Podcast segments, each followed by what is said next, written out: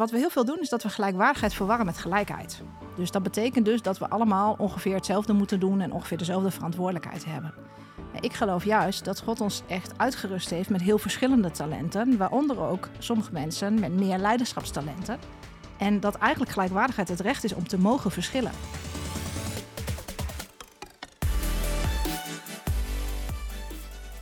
Welkom bij de Innes Company podcast, de podcast voor christelijke ondernemers. Vandaag is de gast Rianka Evers. Zij is ondernemer en auteur van meerdere boeken. Ze schrijft over samensturing. Ze heeft een boek geschreven over samensturing binnen organisaties en ook samensturing binnen de kerk. Maar wat is samensturing nu precies? En wat is transformatie? Want je zal merken dat Rianka haar hart vol is hoe je onderneemt samen met God, maar ook hoe je met teams een transformatie realiseert. Waar ze over praat, biedt een nieuw perspectief over hoe je met elkaar verandering in jouw team en in jouw onderneming doorvoert.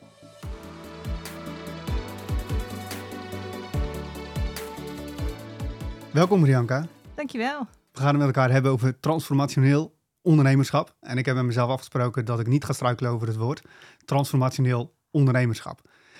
Jij kan er alles over vertellen. Je hebt zelfs boek over geschreven, mm samensturing en ook samensturing in de kerk. En nou, het komende drie kwartier gaan we het daar met elkaar over hebben. En ik ben heel erg benieuwd Waarom is transformationeel ondernemerschap nu eigenlijk belangrijk? Ja, het, is, eh, het is eigenlijk een hele mond vol inderdaad, transformationeel ondernemerschap. Maar ik geloof echt dat transformatie de core business is van het christelijk geloof. Dus ik geloof dat overal waar wij uit gaan stappen, waar wij ons eigen verhaal laten zien, dat daar de omgeving gaat veranderen. En ik geloof dus dat dat onze taak is als ondernemers. Om eh, de wereld om ons heen te veranderen, door te laten zien wat Jezus in ons leven doet. Wauw, dus dat is, je zegt iets over oud en nieuw. Dat is, je, je transformeert letterlijk iets. Wat, wat, wat zie jij dat transformatie is? Um, nou, transformatie vindt eigenlijk altijd plaats op het niveau van identiteit, van onze diepste overtuigingen. En ergens in ons leven, en dat zie ik eigenlijk bij elke ondernemer die ik spreek, is er een diepe overtuiging geplant door Jezus dat ik iets te doen heb in deze wereld. En heb ik ook iets af moeten leggen om die stap te gaan zetten. En op het moment dat we daarover gaan delen, ja, dan worden mensen gewoon enorm geïnspireerd om ook die stappen te zetten. En ja, dan maken we eigenlijk met elkaar die beweging groter. Wauw, dus ik hoor dingen die je afscheid van neemt, je transformeert iets, je legt iets af. Nou, dat is inderdaad heel christelijk, yes. super mooi. Jij hebt ook boeken geschreven die ook heel seculier gebruikt kunnen worden. Ja. Hele mooie combinatie, denk ik. Maar je, als jij binnenkomt en zoals ik jou nu een heel klein beetje ken, dan breng jij vuur, je brengt passie, je ziet heel veel, je spreekt ondernemers. Um, ik ben wel heel benieuwd, wat is jouw verhaal en wat is, wat is jouw verhaal in combinatie met transformatie? Um, nou, ik denk, uh, nou, ik heb een heel verhaal te vertellen, maar laat ik, uh, laat ik beginnen uh, vooral bij het verhaal wat ik afgelopen jaar heb meegemaakt. in 2018 heeft de Heer mij geroepen. Tot die tijd, ik, ik ben afkomstig uit de PKN en ik wist eigenlijk niet zo heel veel van de Heilige Geest. En eigenlijk op het moment dat hij mij riep, toen um, gaf hij mij de opdracht om voor mijn 40ste verjaardag alle mensen die een betekenisvolle rol in mijn leven hebben gespeeld uit te nodigen. En te vertellen hoe hij eigenlijk elk van hen gebruikt had in zijn plan. En dat alles eigenlijk wat er in mijn leven gebeurd was, ja, dat het dus niet voor niks is. En uh, nou, dat op een of andere manier klonk dat voor mij heel logisch. Dus ik dacht, nou, dan ga ik dat maar doen. Dus, uh, dus ik heb eigenlijk mensen uit, elke fase van mijn leven uitgenodigd voor mijn 40ste verjaardag. En ik ben mijn verhaal daar gaan vertellen. Nou, dat, nou dat deed zoveel dat ik daarna drie weken na zo'n gesprekken moest gaan voeren. Omdat er gewoon heel veel ja, dat het heel veel betekende voor mensen. Dat ik daar mijn verhaal ging vertellen. En um, ja, dat, uh, dus daar, uh, daar begon het eigenlijk een beetje. En um, nou ja, toen dacht ik eigenlijk, uh, nou ja, vanaf nu ga ik elke dag alleen nog maar over Jezus vertellen. En nu, vanaf nu komt alles goed. ongeveer, er komt ongeveer op meer. maar toen, toen, toen, maakte ik kennis met het fenomeen beproevingen. in, in de vorm van onder andere een auto-ongeluk. Waardoor ik echt, nou, echt lange tijd behoorlijk beperkt ben geweest. En eigenlijk nog steeds wel een beetje. En dat zorgde er eigenlijk voor dat mijn uh, altijd drukke hoofd het gewoon eigenlijk niet deed. Daar kwam het eigenlijk op neer. En dat betekende eigenlijk dat ik gewoon in de stilte heel erg moest gaan luisteren naar... maar wat wil God nu eigenlijk wat ik, ja, wat ik doe? En wat kan ik met dat kleine beetje tijd wat ik heb gekregen? En wat ik toen heb ontdekt, is dat ik soms... ik kon soms maar twee uur per dag werken. Um, en ik wist soms helemaal niet wat we gingen doen. Maar ik zag dat God daar echt geweldige dingen mee deed. Dus toen heb ik ook ontdekt dat eigenlijk mijn hoofd heel vaak meer in de weg zit dan, uh, ja, dan dat het eigenlijk echt helpt. Mm. Dus, ik, uh, ja, dus ik zou echt zeggen dat mijn ja, transformatieverhaal gaat over echt het besef dat God dus alles gebruikt in je leven om je te brengen waar je nu bent. En dat uh, ja, eigenlijk ja, je hoofd heel vaak in de weg staat. Dus dat we op het moment dat we, nou ja, de Bijbel spreekt, spreekt heel vaak over het hart als echt de plek waar onze wil ook gezeten is. Dus dat we echt, ja, als we stilstaan en ons hart op hem richten, ja, dat ook, ja, eigenlijk onze wil gaat samenvallen met zijn wil. En dan gaan er gewoon echt mooie dingen gebeuren. Ah, ik hoor al heel veel. En het is een van de dingetjes die ik er als eerste even uit zou willen pikken. Is van, joh, je zegt in 2018, toen riep God mij. En mm was ons nog niet heel erg bekend. Misschien met hoe God spreekt en de Heilige Geest. En ik kan me voorstellen dat dat op zich al een hele transformatie is geweest. Dat je eigenlijk Gods stem bent gaan verstaan. Dat je dat ook durft te koppelen aan je leven, maar ook aan je business. Mhm. Eh, kun je daar iets over vertellen, over die transformatie in het stuk dat God spreekt en dat je dat toepast in je leven en in je business? Ja, klopt. Ja, ja dat was inderdaad, uh, dat was nogal wat. Want uh, ja, mensen zeiden ook wel eens tegen mij, ja, je bent gewoon heel gehoorzaam. Als God iets zegt, dan ga je niet eerst drie boeken lezen of tien mensen om toestemming vragen. Dan ga je dat gewoon doen. Dus ja, dat, dat was wat ik deed. Ik ervoer dat God sprak en ik dacht, dat moet ik gaan doen, ook al weet ik nog helemaal niet wat. Dus kan ik me herinneren dat de eerste keer dat ik voor iemand bad, ook voor genezing, um, dat ik eigenlijk op een zondagmiddag, zoals je dat soms wel doet op een zondagmiddag, gewoon aan nadenken was uh, over de week en hoe het met iedereen zou zijn. En ik moest heel erg aan iemand denken en ik hoorde echt op dat moment God heel duidelijk zeggen, jij moet naar hem toe en jij moet hem gaan helpen. En ik dacht, hoe dan? Wanneer dan? nou ja, dus ik dacht, oké. Het was voor mij gewoon heel duidelijk. Het was ook voor mij dus niet een issue van of ik dat wel of niet ging doen. Ik wist ook niet wat ik moest gaan doen. Maar God zei dat, dus ging ik dat doen. Dus ik stuur hem een appje. Ik zeg, joh, um, ja, misschien moeten we eens afspreken. Misschien kan ik iets voor je betekenen. En, uh, en hij helemaal, uh, ja, eigenlijk gelijk heel enthousiast. Wat ik op zich wel apart vond. Want dat ging al de hele tijd eigenlijk helemaal niet goed met hem. En, um, maar ja, ik wist dus niet wat ik moest gaan doen. Dus ik drie dagen buikpijn. Dat ik dacht, ja, nu moet ik er naartoe op woensdag. En wat moet ik nu gaan doen? Dus, um, dus ik bereidde me voor die middag. En ik dacht, ik sla de Bijbel maar eens open. En toen, ja, toen werd ik heel bepaald bij een gedeelte uit Job. Dus ik dacht, oké, nou, nu heb ik in ieder geval iets. Dan ga ik dat maar eens met hem lezen en eens kijken wat er gebeurt. Dus ik, ja, ik ga daar naartoe. En ik vertel dat aan hem ik vertel van, nou, ik zat, uh, hij zegt, hoezo ben je hier dan? Ik zeg, nou, ik zondagmiddag zat ik een beetje aan te denken. En op dat moment, um, ja, hoor ik gewoon Gods stem zeggen, jij moet naar hem toe, jij moet, moet hem helpen. En hij zegt tegen mij, precies op dat moment, ik heb vorige week tegen God gezegd, als u nu niet iemand stuurt, dan, dan hoeft dat voor mij niet meer. Oh. En dus toen wist ik wel gelijk waarom ik er, uh, waarom ik er was. Oh. Maar goed, ik wist nog steeds niet wat ik moest gaan doen. En toen dacht ik, oh ja, oh ja, dat Bijbelgedeelte. ik ga maar dat Bijbelgedeelte lezen. En ehm, nou ja, dat was echt alsof uh, voor hem echt, ja, dat God echt elk dingetje waar hij op dat moment mee zat, wat, eh, gehoord had. Dat kwam allemaal één op één, kwam het gewoon binnen. En eigenlijk vrij snel daarna, toen ervoer ik dat ik hem moest uh, herinneren aan het moment van zijn bekering. Dus ik zeg, joh, hoe was dat toen dan, toen je, ja, ten tijde van je bekering? En, ja, en hij ging ineens rechtop zetten en ja, maar dat is het. En ik wil nu op de knieën en ik ga alles aan God geven. Ik dacht, dacht oké, ehm, oké, nu. Um, oké, dus nou ja, hij op de knieën, uh, hij alles aan God geven, ik voor hem binnen. En hij zit even later zit hij op de, op de bank te stralen. En ik, um, en ik zeg tegen hem, wil je mij misschien even vertellen wat er nu is gebeurd? Want ik had echt geen flauw idee. En hij kon dat heel precies beschrijven. Hij zei eigenlijk, ik zat als het ware onder een stop.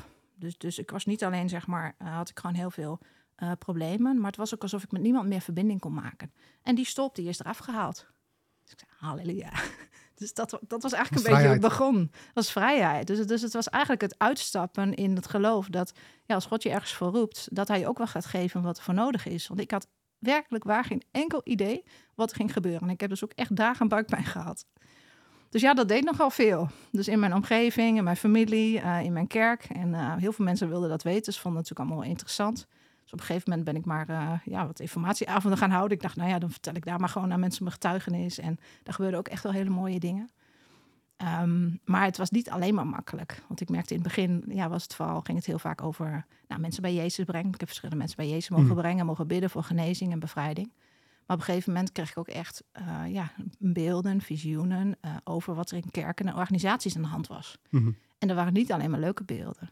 Dus dat was echt wel een, uh, nou ja, een proces van groei. En ik, nou ja, je kent mij inmiddels een beetje. Ik dacht toen nog, nou ja, ja, dit is van God. Dus dan, ga, dan geef ik mm. gewoon even één op één door, zeg maar. Ja. Dat dacht ik. Want ik dacht, ja, dan zien anderen, als ik dat zie, ik ervaar heel duidelijk, dit is wat God zegt. Dus dan ga ik dat even vertellen. Ja.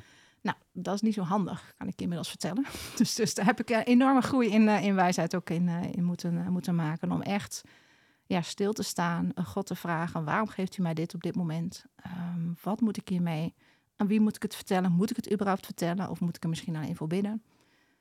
Dus ja, dat, dat is echt een proces geweest. Ja, Maar dus dat, Gods eh, verstaan is één, maar hem opvolgen op het juiste moment, de juiste tijd is twee. Precies. Ja. Ja, ja. En als ik jou goed hoor, koppel je dat ook gewoon echt aan je onderneming, aan je business? Mhm, ja klopt. En eh, je zegt van ja, ik, ergens moest ik mijn verstand uitzetten. Ja. Misschien is het goed om straks iets te vertellen over wat dan precies jouw business is. Mhm. Want ik kan me ook wel voorstellen, als ik jouw verhaal hoor, dan denk ik van ja, maar als jij dus gewoon puur een commerciële business hebt.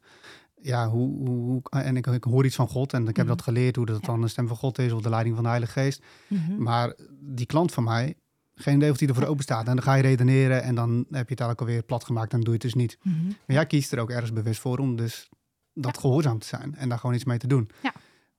Kun je daar iets over zeggen, hoe je die koppeling hebt gemaakt? Oké, ik durf het te koppelen aan mijn business en ik doe het gewoon.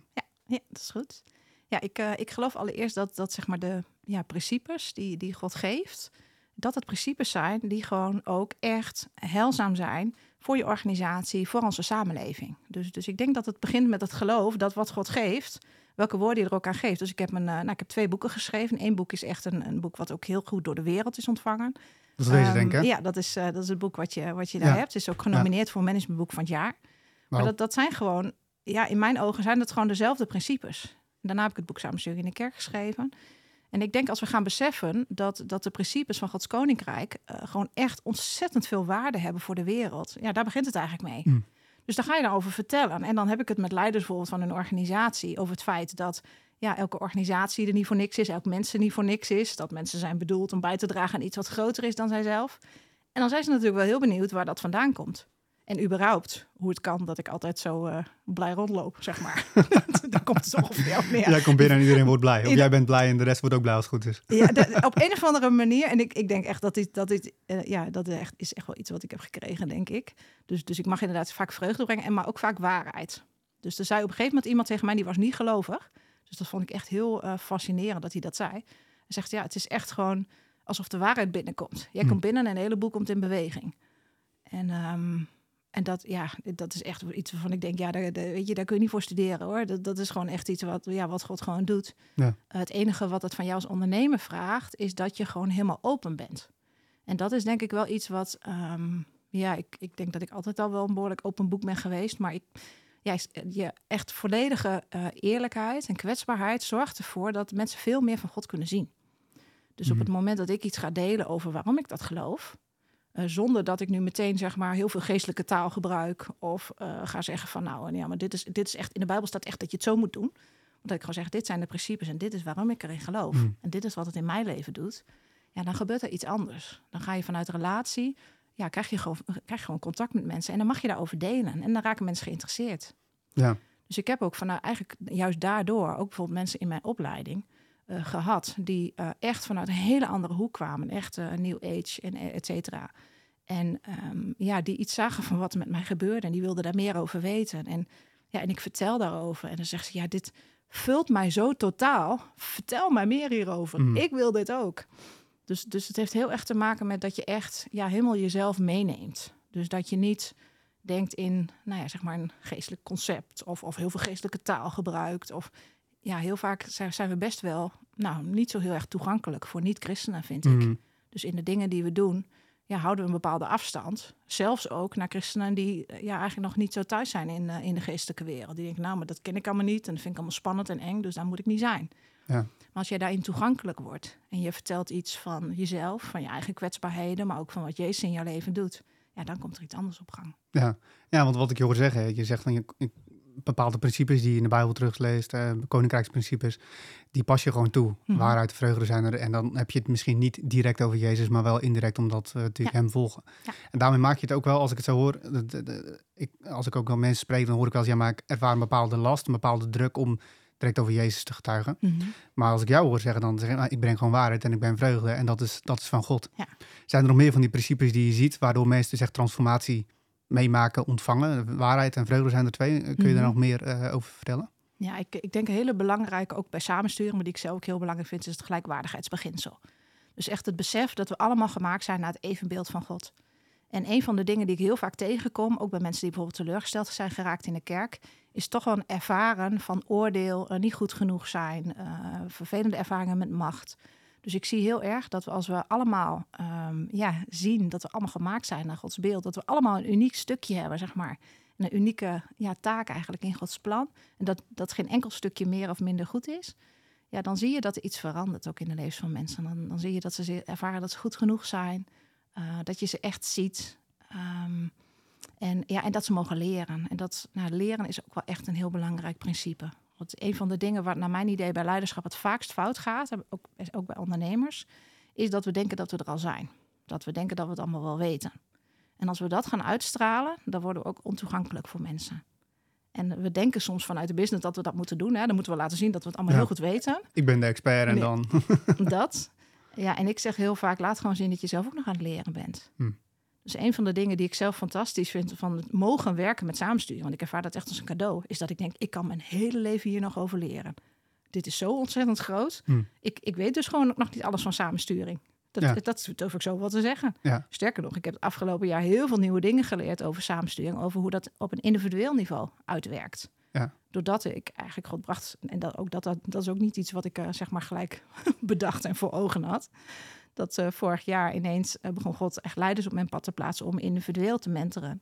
En dat, uh, nou ja, ik was ooit gestopt met hulpverlening en ik was eigenlijk, ik dacht eigenlijk helemaal niet bedacht dat ik dat weer ging doen. Je was wel klaar mee, of niet? Maar, maar dat gebeurde gewoon.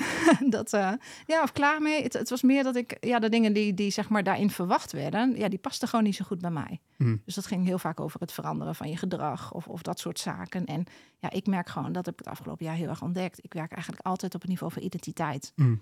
Dus het gaat echt, en daar, dat is ook waar de transformatie plaatsvindt. Als je ontdekt wie, hoe je bedoeld bent, wie je bent en wat daar dus niet bij hoort, ja, dan vindt transformatie plaats. En daar ga ik natuurlijk wel heel erg van aan. Ja, eh, ja en wat ik ook heel mooi vind, want ik las ook een stukje in je boek van de hiërarchie, waar je elk soort van allergische reactie op krijgt.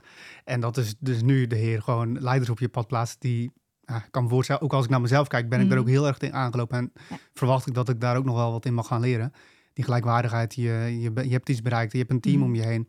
Mensen gaan naar je kijken, er wordt iets van je verwacht. Ja. Uh, het zijn allemaal rollen die uh, al dan niet bewust jezelf op de nek zadelt. En dan moet je iets mee voor je gevoel. Klopt. Ja. En nou, dus nu komen er leiders op je pad. Heb je impact in zowel kerk als business.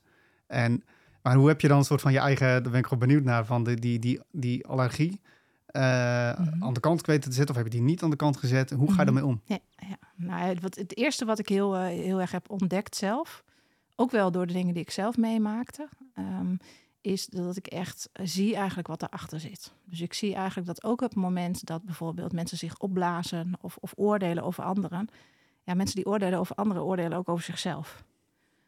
Um, dus er is nooit iemand met een gezonde identiteit, met wie het echt heel goed gaat, die voortdurend oordeelt over anderen. Hmm. Dus, dus ik merkte gewoon dat mijn hart open ging voor hen.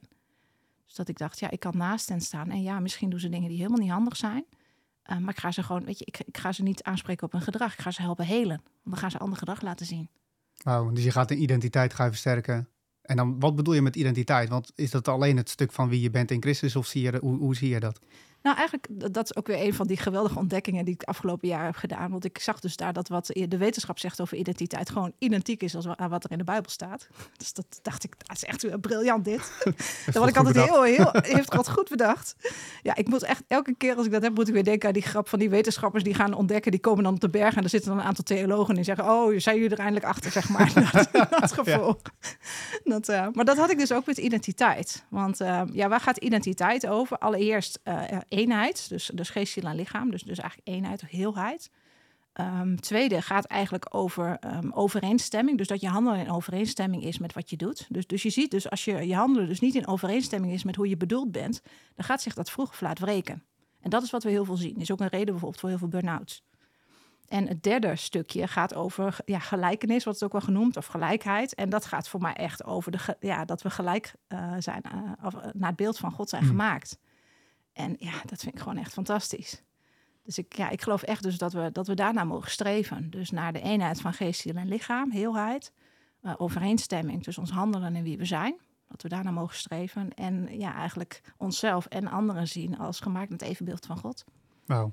En dat stuk wat je nu zegt, geest, ziel en lichaam. Je vertelde net in het begin ook kwetsbaarheid. Hè? Uh, die gelijkwaardigheid is een heel belangrijk ja. uh, principe ook van je, maar ook kwetsbaarheid.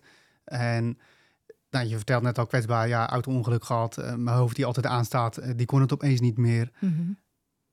uh, lichaam is een eenheid. Maar ik kan me voorstellen dat je best wel wat vragen hebt gehad op dat moment dat je mm -hmm. dat auto-ongeluk had gehad. Ja, klopt. Ja. Nou ja, wat ik, eh, ik deed in de eerste instantie wat ik eh, gewend was om te doen. Altijd positief denken en er tegen vechten. En eh, dat werkte nogal averechts, kan ik je vertellen. en ik, ehm, ja, ik lach er nu om, maar ik dacht het zo, zo heel grappig was het in die tijd niet. En ik zie ook nog dat heel veel, heel veel christenen doen dit ook. Mm. Dus ik zie het ook in ons eh, denken. Dus, dus het lijkt soms alsof er niks anders is dan alleen instant genezing. Terwijl eh, het heel duidelijk werd, en op een gegeven moment zei God dat ook heel duidelijk tegen mij, dat dit proces echt bedoeld was om mij te transformeren. Dus, ehm, dus toen ik op een gegeven moment in, in het najaar van 2021, dus was ik bijna een jaar onderweg, eh, toen eh, hoorde ik eigenlijk twee dingen. De medische zorg die wilde mij naar de revalidatieafdeling sturen, want dan kon ik eigenlijk eh ermee leren leven dat dit nu vanaf nu mijn leven was. Daar kwam het Hmm. ongeveer op neer. En God zei, ik maak je beter dan voor het ongeluk. Mm. Oh, Dus toen kon ik kiezen op waar, wat, ja, waar wilde ik me op richten. Dus van vanaf toen ben ik me gaan richten op... ja, heer, maar hoe wilt u me dan maken door dit proces heen? En, en ik wist ook het, eh, nou, dat het is een aardig renovatieproces geweest, kan ik je wel vertellen. Het aardig wat dingen af mogen leggen in dat proces. En ook ehm, ja, gegroeid in, eh, in rust, denk ik, en in wijsheid. En ehm, ja, met name denk ik ook in de, daarin ook de aandacht voor mezelf. Want dat is wel echt iets wat ik heel erg... nou, dat was een van de dingen die ik af moest leggen. Dat ik gewoon altijd heel erg aan het geven was. En daardoor ook echt, nou ja, mijn eigen ziel en lichaam, zeg maar, eh, nou, die kregen niet voldoende aandacht. Laten we het daar maar even ophouden. Dat, ehm, ja, dat, dat, deed- dat deed ik gewoon niet voldoende. En dat, eh, nou ja, ik kreeg dus echt twee jaar om dus vooral heel veel aandacht te besteden aan mijn eigen ziel en lichaam. En het effect was da- daardoor dat ik veel meer uit te delen had aan anderen. Mhm. Dus dat is ook echt wel een boodschap die ik, ehm, ja, die ik ook echt wel meeneem nu. Van ja, besteed echt aandacht ook niet alleen eh, aan je geest aan je- en ook aan, je, aan de, je theologische kennis en je bijbelkennis. Eh, maar besteed ook aandacht aan je ziel en aan je lichaam. Hmm. Want ja, dat is vaak waar de, ja, waar de vijand ons het makkelijkst onderuit kan halen. Ja, ja. ja en ik, ik herinner nu een, een quote die je in je boek ook aanhaalt, waarin het, eh, je zegt iets over eh, dat ondernemers of leiders, die, die, die, die zien een bepaald plaatje voor zich van hun onderneming en hun team. En, eh, en met liefde eh schrijf je daar iets over van, joh, maar eh, dan nemen ze een foto van het team en dan zien ze haar fijn de dingen die goed gaan en de dingen die beter kunnen. Ja. En je haalt dan een quote aan en zegt, joh, maar maak eigenlijk een foto waar je zelf ook op staat. ja, precies. En nou, het is net wat onder context misschien, maar jij, je zag ook jezelf en je moest in die zin rust voor jezelf creëren enzovoort. Ja. Ook al was het een externe motivatie. Maar je had het wel nodig om dat ook te internaliseren ongeveer. En kun je daar iets over vertellen? Van oké, maar de- je, je praat met de ondernemer, die, Mhm. iemand heeft een team onder zich. Ja. En ja, dat, je, als ondernemer ben je deel van het geheel. Je bent de CEO die de, de, de visiekaders eh, houdt.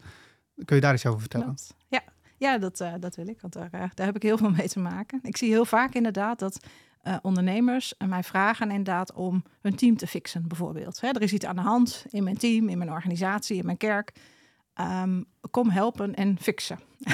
Kom over en help. Daar komt het ongeveer op neer, ja. Niks nieuws onder de zon. En ja, het eerste wat ik dan altijd zeg is, dan beginnen we bij jou. Mm. En waarom? Ehm, een van de dingen die, eh, en die, nou, ze zitten ook in de, in de principes van samenstelling vervat. Een van de dingen die gewoon bijvoorbeeld voor heel veel eh, ondernemers heel lastig is, is om echt op eigen grond te staan. En ik zeg wel eens, als je je eigen grond niet kent, dus als je geen eigen grond hebt, kun je ook geen goede gezamenlijke grond vinden. Dus wat, bedoel je, daar- wat bedoel je met eigen grond? Eigen grond gaat eigenlijk over je bewustzijn van het stukje wat God jou gegeven heeft. En waar jij dus ook, ja, jouw verantwoordelijkheidsgebied, zo je wil. Dus, Ja. dus wat jouw stukje is in Gods plan, waar jij ook mandaat over hebt. En wat gebeurt er op het moment dat je dat niet duidelijk hebt? Dan ga je of je gaat dus heersen over anderen. Dus, dus je gaat eigenlijk op andermans grond staan, om maar even zo te zeggen. Of je laat anderen over jouw grond heen rennen. En ja, je ziet dat daar heel veel dingen al misgaan. En op het moment dat je dat dus eh, weet, en op het moment dat dus een ondernemer dat kan, dan kan hij dus ook, eh, nou ja, ook een heel helder kader. Hè? Het, eh, in, het voor, in de voorbereiding ook veel over kaders gehad. Dan kan hij ook een helder kader neerleggen. Die zegt, ja, dit is waar het voor mij echt over gaat. En dan kun je het gesprek ook met je team voeren over, hey, wat betekent dit voor jullie? En wat hebben jullie nodig om hiermee aan de slag te gaan? En hoe kunnen we dat dan met elkaar vormgeven? En wat we nu heel vaak zien, is dat bijvoorbeeld inderdaad ondernemers dan nou ja, de vormgeving tot in de puntjes zelf doen Mhm. bijvoorbeeld. Of, en dat, dat heb ik dus veel bij, eh, in de wereld van de zelfsturing gezien, het helemaal aan hun team overlaten. Eh, en dan zijn ze dus inderdaad helemaal geen onderdeel meer van de foto. Want dan laten ze het gewoon helemaal aan hun team over. Terwijl het echt een samenspel is. En, ehm, en dat vraagt dus echt in eerste instantie echt iets van de ondernemer zelf. Ja. Ja, dat, is, dat wordt heel persoonlijk. Dus die kwetsbaarheid, gelijkwaardigheid komt er ook in terug. Maar ergens Ja. hoor ik ook wel weer leiderschap. En dus een bepaalde hiërarchie hoor ik wel weer terugkomen. Ehm, en nou, als ik naar mezelf kijk, dan denk ik soms snel, snel in hokjes. Dus ik denk bijvoorbeeld eh, gelijkwaardigheid, dat sluit hiërarchie uit. Mhm. Klopt dat? Eh, nee. nee, dat klopt niet. Maar het is wel een hele goede vraag. Want eh, dat is vaak wat mensen denken. Hè? We denken heel vaak, wat we heel veel doen, is dat we gelijkwaardigheid verwarren met gelijkheid. Dus dat betekent dus dat we allemaal ongeveer hetzelfde moeten doen en ongeveer dezelfde verantwoordelijkheid hebben. Ik geloof juist dat God ons echt uitgerust heeft met heel verschillende talenten, waaronder ook sommige mensen met meer leiderschapstalenten. En dat eigenlijk gelijkwaardigheid het recht is om te mogen verschillen. Dus ook het recht om misschien meer leiderschapskwaliteiten te laten zien, maar ook het recht om die misschien niet zo te hebben. En dat juist op het moment dat we daar elkaar ruimte voor kunnen geven, ja, dat, dat het dan juist gaat floreren. En wat we heel veel doen, is dat we als we vanuit die gelijkheid meer denken, dus gelijkheid zeg ik wel eens, is echt de vijand van gelijkwaardigheid, Mm. Ehm, dan, dan gaat het juist niet gebeuren. Dus dan gaan we niet het unieke zien wat God in elk mens heeft gelegd. En ik geloof echt wel, want dus, nou ja, hiërarchie is altijd een beetje een eh, lastig, lastig woord, maar ik geloof echt wel in leiderschap. Dus ik geloof echt dat God juist ja, eigenlijk leiders eh, heeft aangesteld eh, om, om mensen te helpen. Maar, maar vooral ook, en dat is, dat is denk ik heel belangrijk, niet om volgers te creëren, maar om nieuwe leiders te creëren. Mm. Dus we maken discipelen, discipelen maken discipelen. Ja. En, en dat, dat is wel waar het vaak fout gaat. Dat we onze focus als leiderschap gewoon niet scherp hebben. Dus dat we te snel gericht zijn op, oh, maar die mensen hebben me allemaal zo nodig. Nou, dat is, dat is ten eerste de vraag. Mhm. Ten tweede is dat niet wat je zou moeten willen. Wat je zou moeten willen is dat mensen inderdaad bij jou een stuk toerusting kunnen halen. En ik geloof ook dat echt de focus van leiderschap, bijbels leiderschap, is echt toerusting. Zien we Mm. ook in Efeze 4. Ehm, de focus is toerusting, zodat zij zelf kunnen groeien tot een bepaalde mate ook van nou, emotionele geestelijke volwassenheid. Zodat zij op hun beurt ook weer anderen gaan toerusten. Mm. Dat is uiteindelijk discipelen maken. Mooi. Mooi. En dat, is dus heel, dat zie je dus ook heel eh, direct toegepast worden in de business. Dat heeft dus ook alles te maken met dat dus de leider weet wat zijn mandaat is, wat zijn grond is. Eh, en dus ook dat de, de collega's dus ook weten wat hun stuk grond is. Klopt. Maar als je nu, als je, als je dit luistert en dit hoort en dan zeg je, ja, dit is ook de eerste keer dat ik dit hoor. Of ja, maar oké, ik weet wel wat mijn grond is, maar Mhm. hoe doe ik dat dan? Kun je iets delen over, ja, maar hoe kom ik erachter wat mijn stuk grond is? Mhm. Ja, ja. ja, ik denk wat heel belangrijk is, is om echt ehm, ja, een laagje dieper te kijken, zeg ik wel eens. Dus, dus wat wij heel vaak doen, is dat we vooral kijken naar de kwaliteiten die we hebben gekregen, de diploma's die we hebben, eigenlijk de tastbare dingen. Eh, terwijl ik denk dat God ons juist wil gebruiken in hoe we zijn. Dus, dus als je dat nog nooit hebt gedaan, dan zou ik je echt willen uitdagen om je levensverhaal bijvoorbeeld eens op te schrijven. En echt dus ook samen met God dat verhaal eens door te lopen. Om eens te kijken hey, en hem ook te vragen: hoe heeft u die dingen gebruikt? Dus een van de dingen die ik, eh, die ik dus heb ontdekt, die ik eh, nou, vertelde ook wel, die ik ook op mijn 40 jaar verjaardag heb verteld, is dat God elk, echt elk ding gebruikt. Dus, dus er bestaat niet zoiets als een gat in je cv. Hmm. Er bestaat niet zoiets als een verkeerde carrièrekeuze. Want eh, ja, ook die periode wil God gebruiken om je of te laten zien waar je absoluut niet moet zijn. Dat kan ook, hè? Maar ook om je dingen te leren die je later nodig hebt. Ik heb bijvoorbeeld bijna 15 jaar in de verslavingszorg gewerkt. Dan denk je ook, oké, nou dat is even een heel andere achtergrond. Mhm. Maar er is echt niet een betere plek om te leren over veranderingen, wat mensen in de weg staat, of om te kunnen veranderen. God verspeelt niet. God verspilt niets. Nee, Nee, dat geloof ik echt. En ja, ja dus, dus ik denk dat het met andere ogen kijken naar je levensverhaal. Ik denk dat dat het begin is om je eigen grond te vinden. Mm. Dus echt een laagje dieper dan alleen maar die kwaliteiten en talenten waar we zo vaak mee bezig zijn. Ja, ja en nu- ik herinner me in in het begin van ons gesprek haalde je aan van ja, in 2018 werd ik geroepen, maar blijkbaar was je voor die tijd al bezig met je roeping. Ja, klopt. Ja, Dus- interessant hè? Ja, dat is, God wist het wel, alleen jij nog niet. nou, dit is exact wat inderdaad iemand tegen mij zei. Ik dacht, ja, ik wist gewoon echt nog niet. 2015, zeg maar, heeft, heeft samensturing woorden gekregen voor het eerst. Um, maar pas in 2018, toen, dus, toen ik bezig ging met, uh, met het boek... Um, toen werd me pas duidelijk dat God dit dus op mijn leven heeft gelegd. Dat ik dus überhaupt dit mijn hele leven al doe. Mhm. Want het, ik deed het ook al in de verslavingszorg. Hè? Dus ook als ik met mensen met ernstige problematiek, problematiek werkte... dan deed ik dat altijd vanuit gelijkwaardigheid en vanuit gedeelde verantwoordelijkheid. Ik was dus niet zo'n hulpverlener die zei, joh, uh, nee, en dat, dat gebeurt best veel, vind ik, in hulpverlening. Dat, uh, ja, dat mensen hun problemen zeg maar even komen storten en ik kom dat, ga dat wel even fixen. Nee, mijn vraag was altijd... succes. Precies, ja, ja dat. Dus, uh, dus dat, ja, daar was ik niet van. Dus, dus mijn vraag was altijd, wat is ons doel? Wat gaan we doen en hoe ga jij daaraan bijdragen en hoe ga ik daaraan bijdragen? We hebben hier samen iets te doen. Dit is ons gezamenlijk projectje. Dus hoe gaan we dit doen? En, en ik zag dat juist daardoor mensen eigenlijk ja, gingen groeien in, in hun autonomie en in hun identiteit. Want je kunt echt, uh, en ik heb het later ook nog op een, op een andere, uh, andere manier ontdekt, maar je kunt echt mensen heel erg tekort doen door ze voortdurend alleen maar afhankelijk te maken van liefdadigheid. Hmm. Ik geloof dat dat niet goed is. Ik geloof ook niet dat mensen zo bedoeld zijn. En natuurlijk, als ze in nood zitten, moet je ze helpen. Maar veel meer help je ze nog door ze echt te laten zien welke stappen zij kunnen zetten, hoe ze eruit kunnen komen. Om het geloof te voeden dat ze eruit kunnen komen. Dus ik heb veel gewerkt met mensen met verslaving, met armoede, met schulden.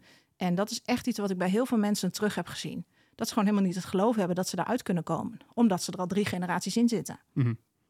Dus als je iets wil doen om deze mensen echt te helpen, is het echt gelijkwaardigheid, gedeelde verantwoordelijkheid en echt ja, het, het voeden ook van het geloof dat je gewoon mogelijkheden hebt. Dat God je hier niet voor bedoeld heeft. Dat je mogelijkheden hebt om daaruit te komen. Ja, en dus de leiders die je nu spreekt, die creëer, daar creëren ook hoop, geloof, perspectief. En dan gaat er sowieso transformatie plaatsvinden. Mhm. Ja, en net haalde je al Efeze 4 aan en in ons gesprek hebben we al meerdere, nou, er wordt er regelmatig aan de Bijbel gerefereerd. Zijn, zijn er teksten waar je denkt van ja, maar dit zijn echt typische transformatieteksten? Mm. Ik heb hier een Bijbel, Ja. zoals je, kan, Ja, als je ja. wil, kan opzoeken. Maar ehm, oh, misschien is dat wel mooi, ja. Misschien moeten we gewoon even het is altijd, ik vind het altijd. eh, ehm, ik heb altijd een Bijbel bij, al gewoon voor mijn eigen eh, business en ook voor mijn eigen, ja, de ministry Mhm. die, die ik leid. En ik vind het zoiets moois dat je gewoon altijd een Bijbel bij kan hebben, ook in de business. En natuurlijk, iedereen zijn, eigen, zijn eigen business, iedereen mag dat zelf weten natuurlijk. Maar het is wel iets super moois, denk ik, dat gewoon het woord van God ook eh, kan spreken in, in de business. Je Ja, ging dit vrij doelgericht al naar een tekst toe. Ja, ik, eh, ik, ook hier heb ik dan altijd keuzestress. Want er zijn echt zulke veel, zoveel mooie teksten over transformatie in de Bijbel... dat ik er eigenlijk een heleboel eh, wil kiezen. Maar ik, ik kies eh, vandaag voor Colossensen 3 en voor, voor Romeinen 12. En dan een klein stukje daarvan. Want eigenlijk het hele gedeelte gaat over de oude en de nieuwe mens. Maar deze vind ik wel echt heel belangrijk. Of ervaar ik dat het voor dit moment echt belangrijk is. Want dit gaat namelijk over eerlijkheid en echtheid. En ik denk dat daar echt een hele belangrijke sleutel ligt. Lieg niet tegen elkaar, aangezien u de oude mens met zijn daden uitgetrokken hebt en de nieuwe mens aangetrokken hebt, die vernieuwd wordt tot kennis, overeenkomstig het beeld van hem die hem geschapen heeft. Nou, die eerlijkheid en echtheid doe je ook God eer mee, omdat hij zo is. Exact. Ja, op het moment dat wij gewoon mooi weer gaan zitten spelen, of eh, we, en dat, nou ja, ik, ik vind echt wel dat dat nog eh, op heel veel plekken gebeurt. Dat we denken, nou, kijk het ons allemaal even goed voor elkaar hebben. Ja. ja, dan zijn we eigenlijk tegen elkaar aan het liegen. Mm. En daar doen we hem geen eer mee. Ik vind het wel, de, als ik daar direct, als ik daar bijvoorbeeld naar mezelf kijk, de afgelopen twee jaar eh, een nieuwe beweging gestart en ik ben heel positief ingesteld. Dus ik zeg altijd dat het goed gaat. Ja. En voor mijn idee gaat het ook altijd goed, alleen zijn er genoeg dingen waar ik aan moet werken. Ja. Maar dat, dat is dus, dat, dat vlak is misschien wat, Ja. ja, dat is, als ik naar mezelf kijk, ik vind dat best ingewikkeld. Heb je misschien, mag, mag jij Ja, natuurlijk. Ik, vind, eh, ja, ja. wat, de, de, ik denk dat er iets is, ook in dit proces, wat jij overwonnen hebt. Dus waarvan je echt denkt, hey, dat vond ik echt enorm lastig. En daar moest ik echt doorheen of overheen om te komen waar ik nu ben. Mm. Wat ik overwonnen heb, ja, dat is sowieso een hele leuke vraag. Goeie, die ga ik onthouden. Morgen stel ik hem aan iemand anders waarschijnlijk. Goed, spread the word. Ja, precies. Ja, dat is het goede, goede woord. Maar wat ik overwonnen heb, ja, nou, ik denk dat het enerzijds wel echt te maken heeft met, ehm, met wie ben ik, dus die identiteit. Dat ik daar, ik, dacht altijd dat het wel op orde zat, totdat je dingen gaat doen en je wordt met dingen geconfronteerd en je denkt van, eh, hoe voelt Oh. dit nou? Dat doet een beetje pijn. Eh, mensen vinden dingen van je, mensen zeggen dingen over je. Dus dat is denk ik wel de basis, waardoor ik gewoon, ja, dat daar meer liefde in van God in is gekomen. En dat daar, ja, meningen zijn belangrijk, maar ook weer helemaal niet. Mhm. Dus dat is denk ik een stuk wel wat ik overwonnen heb. En het is wat bij mij enorm gegroeid is, is eh, God is wie die is. Het is gewoon echt leren vertrouwen. En vertrouwen krijg je pas als je het geeft. Ja. Dus ik heb gewoon echt leren vertrouwen te geven op verschillende vlakken. Mhm. Zowel financiën als het netwerk wat ik nodig had om dingen te realiseren. Heel veel dingen kan ik gewoon niet. Of andere mensen zijn er beter in. Ik kan ook heel veel wel. Mhm. Maar ik weet ook heel goed wat ik niet kan of niet wil. Daar heb ik mensen voor nodig. Dus daar heb ik ook een bepaalde schroom moeten overwinnen. Mhm. eh, om andere mensen bij te betrekken. Precies, ja. Dus dat is denk ik wel, ja, dat is de eerste waar ik aan denk. Het, het, lijkt bijna alsof je hebt leren samensturen. Misschien doen we dat ook wel. Mooi. Nee, maar Ja. wat mooi wat je vertelt. Want ik denk dat het wel hele cruciale dingen zijn. Die, eh, en ik denk ook waar, waar best veel ondernemers ook mee te maken hebben. Dus inderdaad, het eigenlijk afrekenen met de, met, ja, met de angsten van wat, van wat denken mensen wel van niet. Hè? Als ik die stappen ga zetten, en zeker als ik radicale stappen ga zetten, wat jij dus echt ook gedaan hebt. Ehm, dus dat. En inderdaad het vertrouwen. Ja, dat God is wie die zegt dat hij is. En Ja. ja, ja vind je dat nog niet gaaf? Het is echt, Het is geniaal. echt. dat, nou, dat is zo'n zo'n grond, een fundament voor je leven. Dat je gewoon echt, eh, nou, dat is toch geweldig getuigenis wat je hebt. Ja? Dus ja, Ja, zeker. ja, ga daarvan uitdelen. Ja, Ja. amen. Ja, en dat past ook helemaal in Romeinen 12, wat je die, volgens mij nog wilde aanhalen. Ik denk dat dat iets is. Het is eh, in ons voorgesprek, eh, zei je iets van, ja, maar het is zo eigenlijk, het is aan de ene kant kan je het heel klein en heel persoonlijk maken. Aan de andere kant, het is ook wel heel groot. Dat het ja, niet beklemmend voelt, maar wel als dit waarheid wordt. En nou, uit mijn hoofd, ik denk dat Romeinen 12 er ook wel een beetje over gaat. Je moet even bladeren.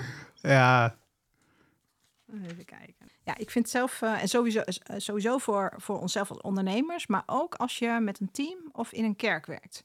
Dus, dus het gaat natuurlijk heel erg over hoe wij functioneren ook als een lichaam.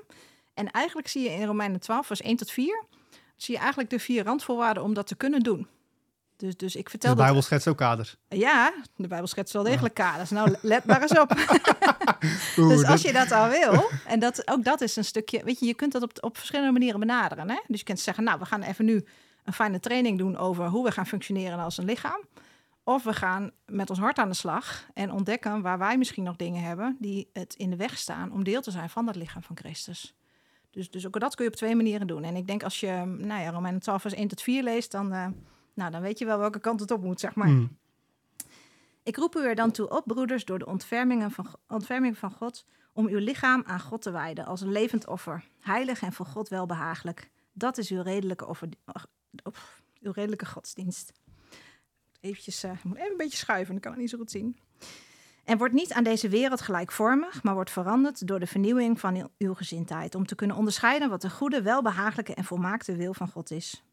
Want door de genade die mij gegeven is, zeg ik ieder onder u niet hoger te denken dan hij moet denken. Maar laat hij denken in bescheidenheid, naar de mate van geloof, zoals God die aan ieder heeft toebedeeld. Want zoals wij in één lichaam vele leden hebben, en de leden niet alle dezelfde functie hebben, zo zijn wij, hoewel velen, één lichaam in Christus, maar ieder afzonderlijk leden van elkaar. Nou, daar zien we echt een paar hele treffende dingen wat mij betreft. Allereerst dat we onszelf geven als een offergave.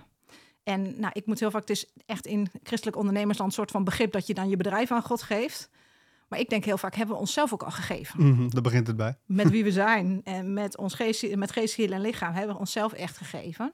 Of zeggen we alleen, heer, u mag dit stukje hebben. En Mhm. dan heb ik ook ergens nog een stukje van mezelf. Of die stukjes van mezelf die, waar ik misschien niet zo heel blij mee ben, die hou ik maar even uit de business. Want daar ben ik dan misschien niet zo succesvol mee of zo. Dus nou, daar is volgens mij nog wel wat te winnen. Nou, heel belangrijk, wordt niet aan deze wereld gelijkvormig, wordt eh, vernieuwd eh, in het denken. Dus, dus die vernieuwing van ons denken, ja, dat is natuurlijk ook transformatie ook ten voeten uit. Dus dat we echt op een andere manier gaan denken. Maar ik geloof ook, ehm, ja, waar, waar die echt voor mij ook in zit, is dat we echt gaan geloven dat de dingen. Ik, ik geloof echt dat de Bijbel dus het beste leiderschap en organisatiehandboek is wat er is. Mhm. Dat, dat is echt zo. Maar als we dat niet gaan geloven, ehm, ja, dan gaan we het ook niet uitstralen. Dus, dus als we daarmee aan de slag gaan, ehm, ja, dan zullen we dus ook echt transformatie in organisaties en in de samenleving eh, creëren.